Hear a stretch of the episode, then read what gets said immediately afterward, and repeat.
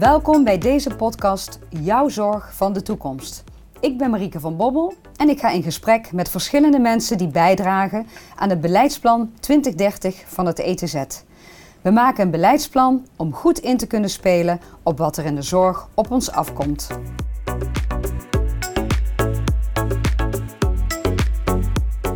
Vandaag gaan we het hebben over het beleidsplan en de beweging die het ETZ in gang wil zetten.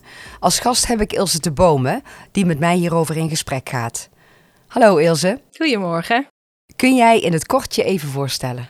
Ja, ik ben dus Ilse de Bomen. Ik ben de secretaris uh, raad van bestuur in het ETZ sinds 2,5 jaar.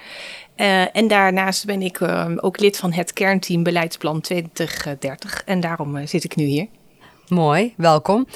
In de uitgangspunten lees ik dat bij het opstellen van het beleidsplan voortgebouwd wordt op datgene wat er al is. Kun je daar een voorbeeld van geven? Ja, we hebben in het ETZ al meerdere beleidsplannen, of beleidsdocumenten moet ik eigenlijk zeggen. Je kunt dan bijvoorbeeld denken aan de kaderbrief, die, die we ieder jaar eigenlijk opstellen, waarin we onze speerpunten waar we aan willen werken in het ETZ uh, eh, verwoorden. Of we hebben ook een beleidsplan dat heet Curatief Tilburg 2025. Dat is eigenlijk de voorloper van het beleidsplan waar wij nu aan het, uh, aan het werken zijn. En wij hebben als kernteam die documenten eigenlijk ook tot ons genomen en, en bestudeerd. En wij proberen eigenlijk daar waar dat kan ook aan te haken op die documenten. Um, uh, of in ieder geval ervoor te zorgen dat dingen niet haaks op elkaar staan. En dat alles uiteindelijk met elkaar in verbinding staat en uh, ja, als een lijn doorloopt. Oké, helder. En um, voor het beleidsplan zijn ook gesprekken gevoerd, onder meer met ketenpartners. Uh, welke hebben jullie zoal gesproken en welke input nemen jullie mee in het beleidsplan? Uh, we hebben onder meer gesproken met bijvoorbeeld Prima Cura. Dat zijn de huisartsen uh, die georganiseerd zijn hier in de regio Tilburg. Ook met VVT-organisaties zoals Thebe of Meizo en de Wever.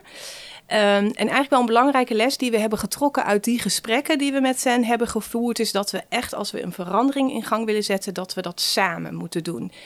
Um, want als we dat niet doen, dan, eh, ja, dan heb je eigenlijk het risico dat we een beetje tegen elkaar uh, in gaan werken. Als voorbeeld bijvoorbeeld, de huisartsen zeiden: als wij tegen een patiënt zeggen, nou wij willen u eigenlijk niet gaan doorverwijzen, want wij denken niet dat dat uh, noodzakelijk is, als dan de patiënt uiteindelijk toch echt erop aandringt om dat te doen, dan doet de huisarts dat soms toch. Eigenlijk in de hoop dat de specialist dan, net als de huisarts zegt, het is niet nodig dat u een behandeling krijgt. En nou komt het toch nog voor dat er een specialist zegt, nou het is wel nodig dat u een behandeling krijgt of zelfs uh, een uitspraak als uw huisarts had u veel eerder moeten doorsturen. Nou, dat helpt dan niet, want zo kunnen we niet gezamenlijk optrekken in de verandering dat je niet voor alles altijd naar het ziekenhuis uh, moet. En dat is eigenlijk een beetje eenzelfde voorbeeld is als wij bijvoorbeeld hier iemand Um, een oogoperatie hebben uh, uh, dat hier heeft ondergaan. En dat wij dan zeggen, nou, de thuiszorg kan wel langskomen om uw ogen te druppelen. Nou, dat kan de, de thuiszorg eigenlijk helemaal niet meer waarmaken, want daar hebben zij geen mensen meer voor. En zij hebben nu het beleid dat ogen druppelen door mantelzorgers of door mensen zelf moet worden gedaan. Dus als wij zo'n boodschap meegeven dat de thuiszorg het allemaal wel even oplost, ja, dan helpen wij de thuiszorg daar niet mee. Dus wij moeten het echt met elkaar samen dezelfde boodschap gaan uitspreken. Ja, Klinkt heel logisch en uh, ja, zinvolle uitkomsten dus van de gesprekken. Zeker. Ja. En je hebt het over verandering. Ik las ook dat we een beweging in gang willen zetten. Hoe zie jij die beweging voor je?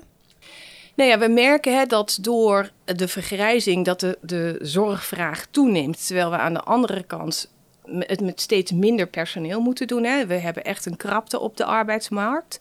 Uh, nee, en wat ik eigenlijk net ook al wel zei, hè, je, je moet een beweging in gang zetten dat wij gezamenlijk eigenlijk um, nou ja, naar andere oplossingen gaan zoeken dan altijd mensen de zorg insturen.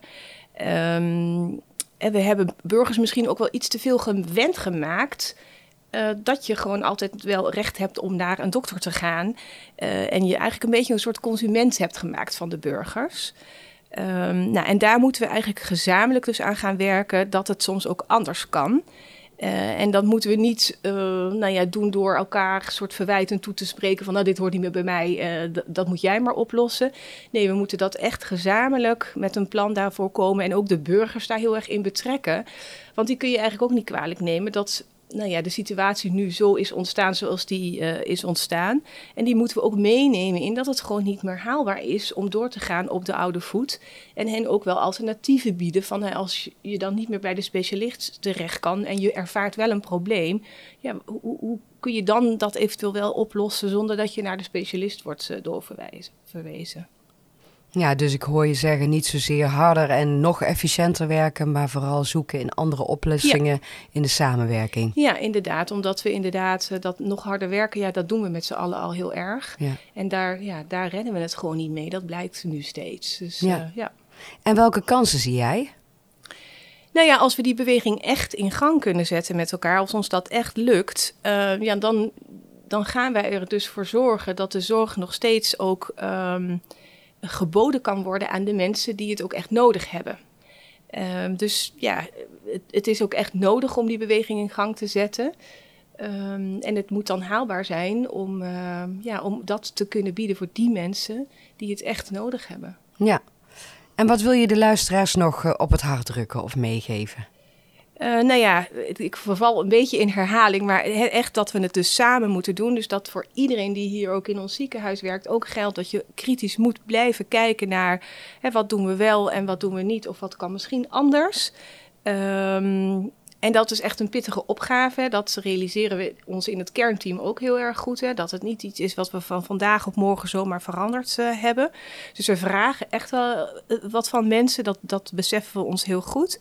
Maar aan de andere kant, hè, het kan ook echt uiteindelijk bij gaan dragen aan dat het werk um, behapbaar en daardoor ook leuk blijft. Want dat is natuurlijk ook iets wat we met z'n allen heel erg graag uh, willen.